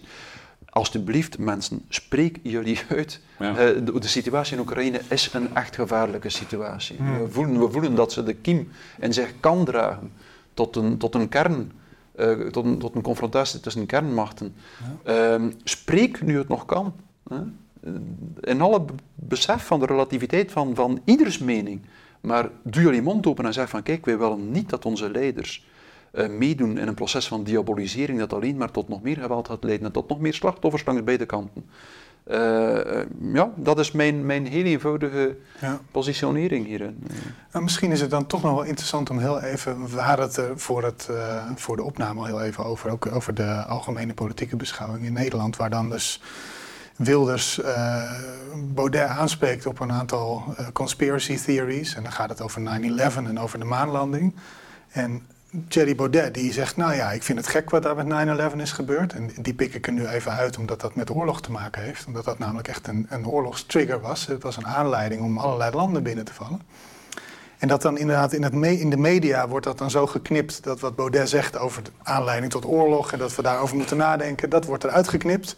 En er wordt alleen gezegd dat die ja, 9-11 was een inside job. En dan heb je weer een filmpje.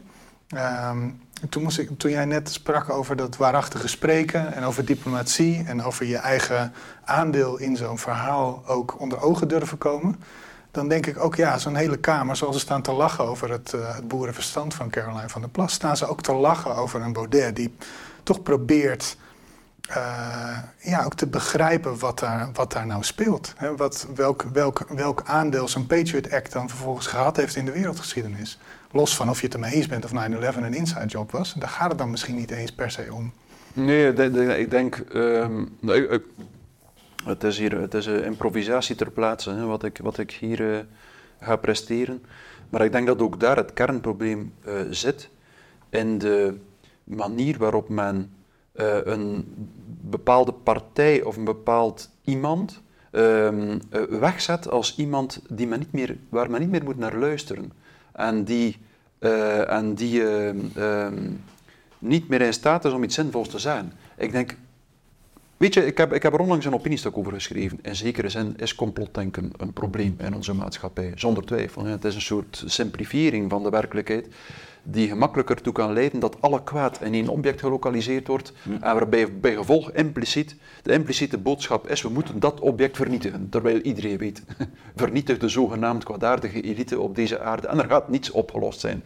Omdat, ik geloof meer in Solzhenitsyn die zei, de breuklijn tussen goed en kwaad loopt door ieders hart. Daar denk ik meer, daar geloof ik meer in dan te geloven dat alle kwaad zou gelokaliseerd zijn in één kleine groep een kwaadaardige elite.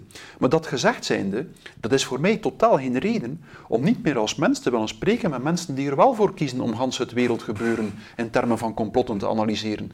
Dat is hun goed recht. En ik, ik heb altijd al gezegd ook, mochten er geen complotdenkers zijn, we zouden ze moeten uitvinden, omdat ze regelmatig interessante feiten, een, register, een interessant register van feiten onder de aandacht brengen. Hmm. Het probleem zit hem eerder, denk ik, in de conclusies die ze trekken uit die kleine feiten en in de veralgemeningen die ze doorvoeren en in de verregaande psychologische uh, interpretaties die ze maken omtrent bepaalde mensen. Ik denk dat het probleem meer op dat niveau zit. Maar als een, een matuur mens en een mature samenleving gaat met een veel te vergaand complotdenken niet om door het te stigmatiseren, maar net het omgekeerde, door te zeggen, vriend, vertel me een keer. Wat zijn, hoe zit volgens u het wereldgebeuren in elkaar.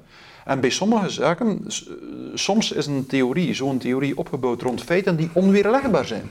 En dan kan je zeggen, oké, we gaan die feiten op tafel leggen en we gaan kijken welke mogelijke eh, eh, interpretaties van die feiten er zijn. Dat is een ingesteldheid die gericht is op het de... Um, um, polariseren van een samenleving. Dat is een samenleving waarbij je zegt van kijk, jij maakt daar misschien als mens een fout, maar ik maak op een andere manier een fout. Freud had daar een, een, een, een, een prachtige uitspraak over. Freud zei, als het erop aankomt uh, om uh, uh, waanzin te destigmatiseren, Freud zei, er zijn drie manieren om normaal te zijn. Neurotisch, psychotisch of pervers. En inderdaad, we hebben allemaal op onze manier onze neiging om aan de waanzin te prooi te vallen. En Um, dus hoe beter we dat beseffen, hoe meer we ons realiseren, we hebben elkaar nodig. En nog het meest van al, de mensen die uh, een andere mening hebben dan ons, om elkaar in evenwicht te houden. Maar, maar dat is misschien ook precies uh, de, de gemene deler hè? Van, van de thema's die we nu uh, besproken. Inclusief overigens de, de problematiek waar Matthias persoonlijk mee te maken heeft ja, gehad. want want uh, wat mij opviel aan, uh, aan, Biden, en ik, refereer al even aan, uh, aan Plato, dat is dus de, de, de enorme eenzijdige nadruk op enkele concepten.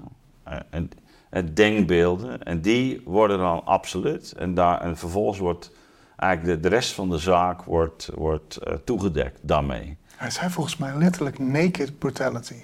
Ja, ja ook, ook over Poetin. Naked brutal. Ja, Dat is dus zo'n kaal- kaal geslagen concept. Absoluut, absoluut. Geen voorgeschiedenis. Hè. Unprovoked. Hè. Dus er wordt allemaal gespint. Hè. Terwijl als je zegt, hij, is- eh, Poetin heeft in december al een, eh, eh, eh, gezegd... jongens, dit gaat zo niet langer met die militarisering. eh, in de, en eh, hè, of hij daar nou helemaal gelijk in heeft of niet... maar hij, hij zocht nog een soort van vreedzame oplossing, hè, zou, zou je kunnen, kunnen zeggen. Hè, dat, maar goed, voor je het weet ben ik dan de Poetin-versteer. Ja, liggen hier roebels onder Dus, tafel? eh, ja, precies. En worden wij ook nog gesponsord door. eh, Maar eh, eh, waar het natuurlijk om gaat, is je moet naar dat hele verhaal. Je moet naar dat hele verhaal. En zelfs tijdens de Vietnamoorlog eh, bestond er gewoon contact tussen, eh, tussen Amerika en Rusland. En wat er nu gebeurt, en dat is zo angstaanjagend, eh, het hele contact wordt doorgesneden. Ja, dus, dus, dus eh, en, en, en dat is denk ik eh, ook een gevolg van eh, ja, hele eenzijdige benadering, waarin je het absoluut het eigen gelijk hebt. En inderdaad, waar we het net over hadden, eh, die afwezigheid van diplomatie. Hè, en, en, en, en het begint toch met het gaan verbreden van je discours. En wat brengt die ander dan in? Hey, die kijkt er anders tegenaan, die heeft een andere geschiedenis, die heeft een ander perspectief. Ja, zit daar ook wel wat in, weet je. En dan kun je er nog ergens komen, maar op deze manier. Die brengt dan feiten naar voren, zoals jij net zegt. Ja, maar ook, die, ook die waarde. misschien in dat, ook in dat- waarde. Ook waarde. Dit, is, dit is, gaat niet alleen voor feiten. Het gaat ook over hoe, eh, hoe je dat interpreteert. Ja, het wat ik wil zeggen is dat die brengt dan vanuit zijn discours feiten in die je vanuit jouw discours misschien al niet meer zag. Bijvoorbeeld zo'n Ja. Minsk-akkoord, hè, zoiets. A- a- absoluut. Ja. Hey, maar een hele mooie samenvatting, mooie woorden. Net, eh, je zei ik improviseer het even En bij elkaar. geestig maar- noem ik het ergens in mijn boek ook, op verschillende plekken. En dat is die verenging. Dus het, Ja. Ja. Ik, eh, nou, ik, ik rond het af, Heet van de, porose, Ja. van de poreuze samenleving. ja, ja. want jullie gaan zo meteen nog verder in gesprek. En hoe langer wij nu doorgaan, hoe meer we afsnoepen van jullie eh Ja. eh, Pierre, de- Pierre de Deux. Eh, ehm, dus wij ronden hier af. Heel erg bedankt. Eh, in het bijzonder aan jou, eh, Matthias, dat je de reis weer, weer hebt eh, ondernomen om hier naartoe te komen. Wel. En altijd, altijd fijn eh, om jouw duidingen te horen. Ehm, u allen heel erg hartelijk bedankt voor het kijken. Eh, wij roepen vaak op tot eh, petje af, tot ondersteuning en dat soort dingen. Eh, wat ook al heel erg zou helpen is als u eh, ons kanaal abonneert. Want dat betekent dat meer mensen de Dat video's zeggen we zien. te weinig eigenlijk. Hè? Ja, dat, ik zat van de week te denken, we hebben echt 100.000 voor het eind van het jaar. Ja, dat zou mooi zijn, ja. Moet eigenlijk wel kunnen. Ja. Zo- zo- Zo'n plakkaatje, weet je wel. Maar dan zien, wat er gebeurt is dat als, als hetzelfde percentage mensen een petje afdoet, maar we hebben eh, 10.000 meer abonnees, dan kunnen we ook alweer meer Ja. mooie uitzendingen maken. Dus abonneer eh, als je dat nog niet gedaan hebt. eh, dat zou ons wel heel erg helpen. Eh, in ieder geval heel erg bedankt voor het luisteren en het kijken. En eh, wij zien u graag volgende week weer. Fijne zondag nog.